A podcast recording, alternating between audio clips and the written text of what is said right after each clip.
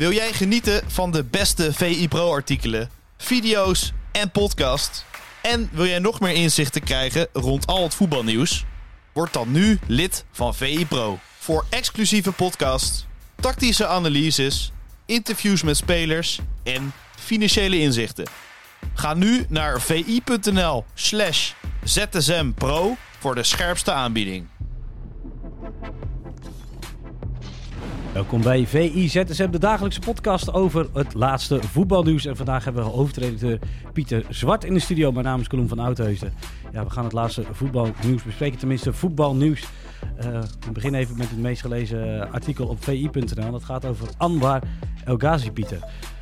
Ja. Wat uh, was jouw eerste reactie? Even voor de duidelijkheid, uh, die is tot nader order op non-actief gesteld door zijn club Mainz.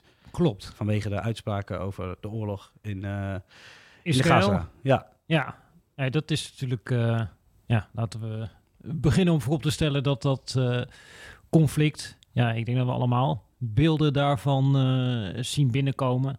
En ja, is vaak verschrikkelijk om naar te kijken. Vaak hartverscheurend om naar te kijken vanuit alle kanten. En ja, je merkt dat ja, in de voetbalwereld, net als in de gewone maatschappij, dat mensen daar ja, verschillende perspectieven op hebben. En de ene bekijkt het heel erg vanuit het perspectief Palestina en de geschiedenis van Palestina. De andere bekijkt het misschien heel erg vanuit het perspectief Israël en de geschiedenis uh, van Israël en wat er allemaal gebeurd is met uh, Israëlische burgers. Uh, en nou, nu zijn er ook voetballers die zich daarover over uitspreken. En zeker in Duitsland ja, blijkt dat nu heel gevoelig te liggen. Want uh, in het meest gelezen lijstje komt niet alleen dus terug dat El Ghazi uit de selectie is gezet. Maar ook bijvoorbeeld dat een Duits parlementslid oproept uh, aan Bayern München om uh, Noussair Masroui uit de selectie te zetten. Ja, want die had zich ook, die had een zin gebruikt, geloof ik, die ook de Hamas gebruikt. Ja, die heeft ook pro-Palestina berichten, ja, het wereldwijde web opgeslingerd. en ja, ja, dat, dat maakt toch wel dat het is een lastige, vervelende situatie waar je nu uh, eigenlijk uh, in belandt, volgens mij. Ja, we zijn een uh, voetbalpodcast, dus het is geen politieke podcast. Maar ja, die werelden komen wel steeds, worden wel steeds vaker verweven. Dat hebben we natuurlijk gezien met Rusland. het wel of niet toestaan van Russische spelers, van Rusland op Europese mm -hmm. toernooien, et cetera. Nu komt het weer naar voren. Ik zal even voor de duidelijkheid het statement erbij pakken ja. van wat Mainz heeft gezegd. Dat is misschien ook wel makkelijk. Um, Betuigde steun voor uh, Hamas en Palestina. Daar gaat het over. El Ghazi heeft een standpunt ingenomen over het conflict in het Midden-Oosten dat voor de club onaanvaardbaar is. Mainz respecteert dat er verschillende perspectieven zijn op het complexe conflict, maar distancieert zich duidelijk van, de uh, van het bericht, aangezien het niet de waarde van de club weerspiegelt. Ja, klinkt een beetje paradoxaal, hadden wij ook al gezegd. Mm -hmm. Dus je zou denken dat je alles mag zeggen, maar moet dan wel binnen de normen en waarden zijn. Klinkt dat logisch voor jou? Nou, ja, ik, ik vind eigenlijk jammer dat het nu op deze manier gaat. Uh, en dat uh, Minds dan zo'n beslissing neemt. En dan kun je natuurlijk ook weer op verschillende manieren uh, naar kijken. Maar hoe ik er naar kijk is dat ja, een kracht van westerse democratieën is dat iedereen ja, vrijheid van meningsuiting heeft. en ja, dat iedereen zijn stem kan laten horen in het publieke debat. En hoe verwerpelijk het ook, hoe jij iets ook kan vinden, wat iemand anders zegt, dat je wel het recht verdedigt van diegene om datgene te zeggen wat verwerpelijk is. En dat, dat is, zijn hele fundamentele waarden waarop ja, volgens mij heel veel landen uh, en ook Duitsland uh, zijn opgebouwd. En ja, dat we nu dus in de situatie zitten dat als jij een mening hebt die ja, politiek niet welgevallig is, dat jij dat gewoon tegen jou gezegd kan worden. Nou, dan mag jij je werk niet meer uitoefenen. Mm. Nou, dat vind ik wel een ja, gevaarlijke schaal die je gaat bewandelen. Helemaal als je het zeg maar in een breder perspectief zet. Omdat ik denk dat de voetbalwereld en ja, het voetbalveld, juist omdat... Kijk, voetbal is natuurlijk een sport ja, je hebt elf spelers op een veld. Uh, en nou, dat blijkt ook uh, uit allerlei onderzoeken dat uh, ja, voetbal op het veld, dat het heel erg ja, antidiscriminatie werkt. Omdat nou, er waren bijvoorbeeld op een gegeven moment in de jaren 70, 80 bijna geen zwarte spelers in de Engelse Premier League. Tot op een gegeven moment het team dat begint op te stellen. Nou ja, eh, het publiek vindt het allemaal niet leuk. Maar toen bleek op een gegeven moment dat de teams die die spelers opstelden, dat die meer wedstrijden gingen winnen. En ja, daarom is een voetbalelftal een meltingpot. Vorig jaar bij Feyenoord had je een Israëlische doelman en een rechtsbuiten uit Iran. En dat zijn twee landen en twee volken die diametraal tegenover elkaar staan. En die normaal gesproken eigenlijk ja, eh, bijna geen contact met elkaar eh, hebben. Je mag eh, die landen niet erkennen. Ali Reza Jahanbaks mag eigenlijk niet eens in Israël voetballen, want dat land bestaat niet volgens Iran. Maar die twee, die werden toch een soort van voetbalkameraden. Nou, Ja. en, de, en dat is hoe mooi voetbal volgens mij kan zijn. Dat je dus daarboven kan gaan staan. Dat je laat zien, hey, ja, we kunnen ook op een vreedzame manier met elkaar samenleven en strijden voor een hoger doel. En dan is dat hoge doel misschien zo onbelangrijk als het winnen van een Ja, ja. voetbalwedstrijdje. Maar ja, het laat wel zien, hey, ja, het kan dus wel. Iemand uit Israël en iemand uit Iran die samen werken eh, en samen spelen en samen leuk hebben en samen vrienden kunnen zijn. En daarin ja, kan volgens mij ja, die kracht schuilen. En dus ook nog wel.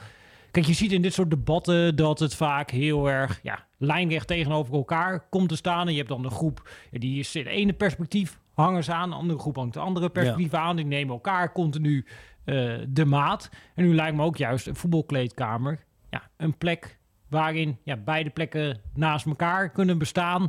Eh, en dat je ja, daar respect voor opbrengt dat daar verschillende perspectieven zijn. Ja. Eh, en ja, bij wijze van spreken zou eh Eran Sahavi in de spits kunnen staan bij eh Mainz en de voorzet er binnenschieten van eh Anwar Rogazi.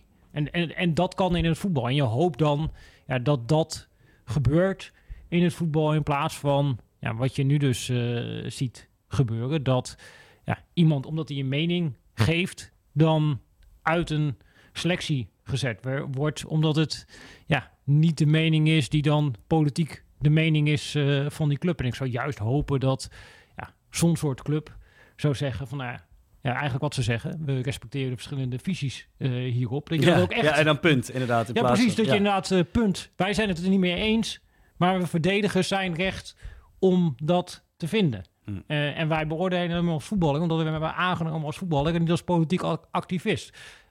Ja. En ja, dat dat ja, nu op de helling staat, ja, dat vind ik persoonlijk ja, vind ik dat jammer. Omdat juist de manier om eruit te komen is dat die verschillende perspectieven met elkaar in gesprek blijven. En als je die op een gegeven moment gaat afzonderen vanuit het debat en mensen gaan niet meer met elkaar praten, ja, dan kom je alleen maar verder uit elkaar Ja. te staan. Dan ga je de ander ook niet meer zien als mens. En dan kunnen er verschrikkelijke dingen gebeuren die je op dit moment daar ziet gebeuren. Eh, ja, en dat dat dan ja, nu op deze manier gaat.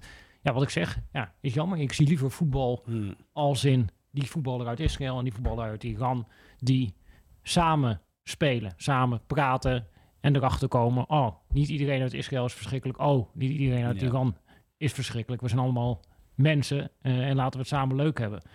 Mooi gezegd. Ik eh, hoop hetzelfde, uiteraard. Vanzelfsprekend. Ehm degene die, eh, ja, het ging over, gaat over vrijheid van meningsuiting, dan een beetje gek bruggetje misschien, maar dan gaan we naar de column van Dico Dijkshoorn. Ja, degene die eigenlijk, nou ja, niet iets uitte, maar daar heel veel kritiek over kreeg, was, eh, was Hartman. Die, Quilintje Hartman, die niet meezong met eh, het volkslied.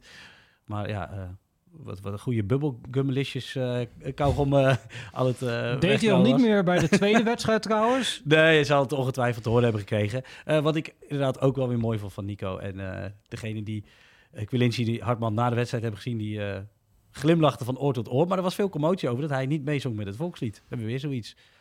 Ja, Ja, jij zei van tevoren, ja, ik, ik lig er niet wakker van. En toen Nee, zei ik, ja, ja, wie wel, niet. maar ja.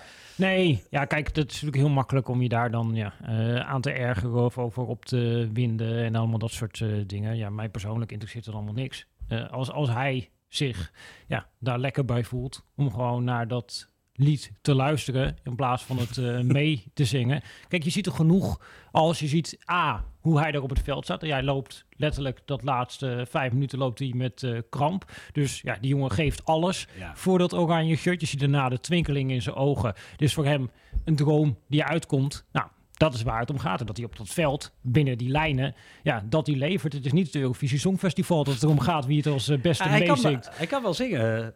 Tenminste, dat zei hij zelf. Ja, nou ja, ja prima. Alleen, ja, weet je, ja. of iemand nou eh, eh, heel vals uit volle borst eh, meezingt. Kijk, ja, Wout Weghorst zingt tot als hardste mee en schiet vervolgens een penalty mis. Ja, weet je, ja, wa- wat is dan goed, wat is dan fout? Eh, ik denk dat je juist, ja, wat goed is, is dat jij dat volkslied beleeft op de manier die bij jou past. In plaats van dat jij, en wat dat betreft was ik het helemaal eens met uh, Colin van Dijkshoorn, in plaats van dat jij ja, iets gaat doen omdat dat van jou verwacht wordt. Uh, of dat ja, mensen vinden dat je het op die manier moet beleven. Ja, dat, dat lijkt me helemaal niet dat dat uh, nodig is om het uh, op die manier te doen. Ja, juist, ja, doe wat voor jou goed voelt en ga daarna gewoon die wedstrijd spelen. En dat daarnaast iemand het uit volle borst meezingt, ja, is ook prima. Ja. dat ja, is voor mij even goed. Uh, en ja, wat ik zeg, het gaat voor mij uiteindelijk om... Goh, wat gebeurt daar uh, binnen die lijnen? Wat zie je dan uh, iemand doen? Ja, en als hij daar gewoon presteert... Ja, en nou ja, dat, hij voelt zich daar dus goed bij... en is daarna meteen vanaf de eerste seconde klaar om te presteren... Ja, als, als dat voor het hele elftal zou gelden, ja, zingen dan alle elf niet mee. Dat maakt mij echt niet uit. Ja, nee, dat, zo sloot hij volgens mij de column ook af. Uh, voor de mensen die nog niet gelezen hebben, gaan vooral lezen. Het was ook het meest gelezen artikel op uh, VI Pro. Ja, uh, ja 17 uh, miljoen meningen, daar komen die van ons twee gewoon bij. Of zijn er onderdeel van, kunnen we wel zeggen. de interlandperiode zit erop. Um, gisteren was nog een toetje met Engeland, Italië. Toen zag ik daar iemand in de spits lopen. Toen dacht ik, nou, zou toch, wel, zou toch leuk zijn als we bij Nederland ook zo'n type spits Harry hebben. Kane bedoel je? Jongen, jongen. Ja, maar ja, Jude Bellingham erachter. Ja, dat, dat is- die, die combinatie, dat is wel is een beetje vals spelen, vind ik. Oh ja? Ja, toch? Nou ja, het is ongelooflijk. Ja, vooral die eerste goal. Het is echt, het is echt En ook die wisselwerking is gewoon goed. Omdat Ja. als eh, Kane wegbeweegt, dan komt Bellingham erin en eh, omgekeerd. Ja, dat is bijna niet eh, te verdedigen. Dus ja, als Engeland dat op een goede manier eh, erin weet te slijpen, dan kan dat wel een eh ja, angstaanjagend elftal worden. Dat toch wel eh, ja, misschien een serieuze gooi kan doen naar die Europese titel. Ja, veel besproken koppeltje dus. En bij Nederland, want ja, het, elftal moet wat vorm gaan krijgen richting het EK. Dat toch wel zeker lijkt te zijn. Moet het natuurlijk niet jinxen, maar ik denk dat dat wel... dat niemand me kwalijk neemt als het misgaat, dat ik dan de schuld krijg. Ehm, het koppeltje waar het in, ja, in Nederland denk ik over gaat, is dat middenveld. Frenkie de Jong met. En eh, de naam van Reinders, die eh, goede indruk maakte de afgelopen twee interlands, die wordt dan vaak genoemd. Ja. Toen zei jij, dat is geen eh 1-2'tje. Nee, het wordt nu inderdaad een soort van invuloefening gezien van, oh ja, dan Reinders deed het nu goed. We zochten naar iemand naast Frenkie de Jong. Oh, dan kan Reinders naast Frenkie de Jong. Hm. Terwijl toen daar wat meer over na ging denken, ja, dan heb je soms toch ook wat vraagtekens erbij. En dat heeft vooral te maken met, ja, kijkend waar die spelers goed in zijn. Eh, en ja, als je ziet hoe Reinders nu bij eh, Milan speelt, is echt ver naar voren. Zoals hij ook in de eerste wedstrijd bij het Nederlands elftal speelde eh, tegen Frankrijk. Eigenlijk als eh, ja, een van de nummer 10's eh in balbezit. En in die tweede wedstrijd speelde hij in de Frenkie de Jong. Eh, dus ja, zoals hij ook bij AZ speelde. Met Jordi Klaas hier naast hem. Nu met Mats Wiever naast hem. Ja, controlerend beginnen en dan eigenlijk ja, overal eindigen. En als je dan als je gewoon gaat kijken hoe hij aan het lopen was eh, in die eh, tweede wedstrijd eh, van Oranje in Griekenland. Ja, hij was overal op het veld te vinden. Want je, je kunt altijd zo'n wedstrijdformulier maken. Ja. Dan zeg je, staat hij links voor Wiever, staat hij rechts voor Wiever. Ja, hij liep overal. Als je Ja. zijn heatmap gaat bekijken van die Mooi wedstrijd. uitgesmeerd. Ja, precies. Dan, dan is hij over dat hele middenveld te vinden. Ja. En daar kijken we allemaal naar. En hij krijgt die ballen en hij is comfortabel aan de bal. En hij speelt hem iedere keer weer door naar de juiste kleur. En dan denk ik zo, ja. Nou ja, dat klinkt eigenlijk een beetje alsof als die andere jongen waar... Nou, die, die, ja, precies. Ja, die, die blinkt uit. Eh, alleen ik denk ook dat je moet kijken naar ja, het hele plaatje. Dus niet alleen naar Reinders. Want kijk, als Reinders rechts opduikt... dan zie je ergens een jongen met rosse haar... in één keer zo links een gaatje dichtlopen. En als hij links opduikt... is een jongen met ro- rossig haar die ergens rechts opduikt. En dat deed diezelfde jongen met rossig haar... die deed dat ook vorig jaar voor Oricon Kukzu. En ik denk dat dat het beste voorbeeld is. Die speelde in de eerste seizoen zelf vaak samen met Timber. En Timber is ook een jongen, dat zie je dit seizoen, met Wiever weer naast hem, eh, die heel goed is als hij heel veel vrijheid krijgt om ja, eh, die acties te maken, aan te sluiten naar voren, die rushes eh, Ja. met de bal, dat spel op die manier versnellen. Ja, daar zit zijn kwaliteit. Alleen als je die kwaliteit wil tonen, ja, dan moet je eigenlijk een speler erbij hebben die ervoor zorgt dat niet in jouw rug steeds gigantische gaten ontstaan. En je ziet vaak dat als je twee van dat soort types naast elkaar zet, dus bijvoorbeeld bij Feyenoord Timber en Kukcu, ja, dat die allebei minder gaan doen eigenlijk waar ze goed in zijn. En dat er ook nog de momenten zich voordoen waar ze allebei denken... hey, oh, ik zie daar een ruimte ontstaan. Hup, laat ik erin lopen. Je raakt de bal kwijt en het ligt in één keer uh, helemaal open. Nou, misschien zouden met drie centrale verdedigers uh, dan wat makkelijker kunnen. Maar ik denk toch dat je een beetje een gekooide tijger op die manier creëert. En misschien wel twee. Met zowel Frenkie de Jong mm -hmm. als uh, Reiners... die dan heel erg zouden moeten gaan spelen vanuit... Ja, positionele discipline, terwijl hun kracht juist zit. En dat zie je, ja. precies. Dat zie je nu bij Frenkie de Jong bij uh, Barcelona doen. Dat zie je inderdaad Reinders nu in het Nederlands zelf dat doen. Als de jongen gewoon zijn intuïtie kan volgen, dan is hij op zijn best. Alleen ze kunnen niet allebei hun intuïtie. Ja, of dat moet uh, zeg maar helemaal compleet synergetisch lopen, zeg maar. Ja, precies. Alleen als ze op links een ruimte zien ontstaan, dan denken ze allebei van nature... hey, ja, laat ik daar eens even inlopen. Alleen als je er tegelijkertijd inloopt, dan wordt het een beetje een uh, puinhoop. Dus ze hebben eigenlijk daar, denk ik toch, als je er uh, analytisch naar gaat kijken... ja, een speler bij nodig. Ro rode krullenbol. Nou ja, de, maar dat kan Wiever zijn, maar dat kan ook Jerdy Schouten zijn bij PSV. Uh, en als je gewoon kijkt, ja, hoe zijn veel... is een middenveld vaak ingericht. Dan heb je toch vaak een beetje ja, een soort van creatieve loper die uh, veel bijsluit uh, bij de spits. Dan heb je een soort van spelverdeler die nou ja, uh, hoog begint, maar wat lager uitzakt. En een echte controleur die positie houdt. Als je het middenveld pakt van Feyenoord, heb je dus Wiever, Timber en ja, dan loper erbij. Dat is in ieder geval dan Stenks. Dus je hebt ook ja. wel creativiteit. Misschien dat hij veel meters maakt. Middenveld van PSV, Schouten, Veerman en dan Tilman of Til of ja. Babadi. ook weer die combi middenveld van Barcelona, Romeo, Frenkie de Jong, Pedri of Gavi. Ja. Je, je, ziet eigenlijk iedere keer ja, diezelfde soort wisselwerking terug. Uh, en als je dan kijkt naar wat, wat doet Frenkie goed, wat doet uh, Reinders goed, uh, ja, dan zou Reinders heel goed ja, die rol kunnen hebben die Stenks heeft bij Feyenoord, de rol die Tilman heeft bij PSV, de rol die Pedri heeft bij Barcelona. Dus ja, die... Diepgang.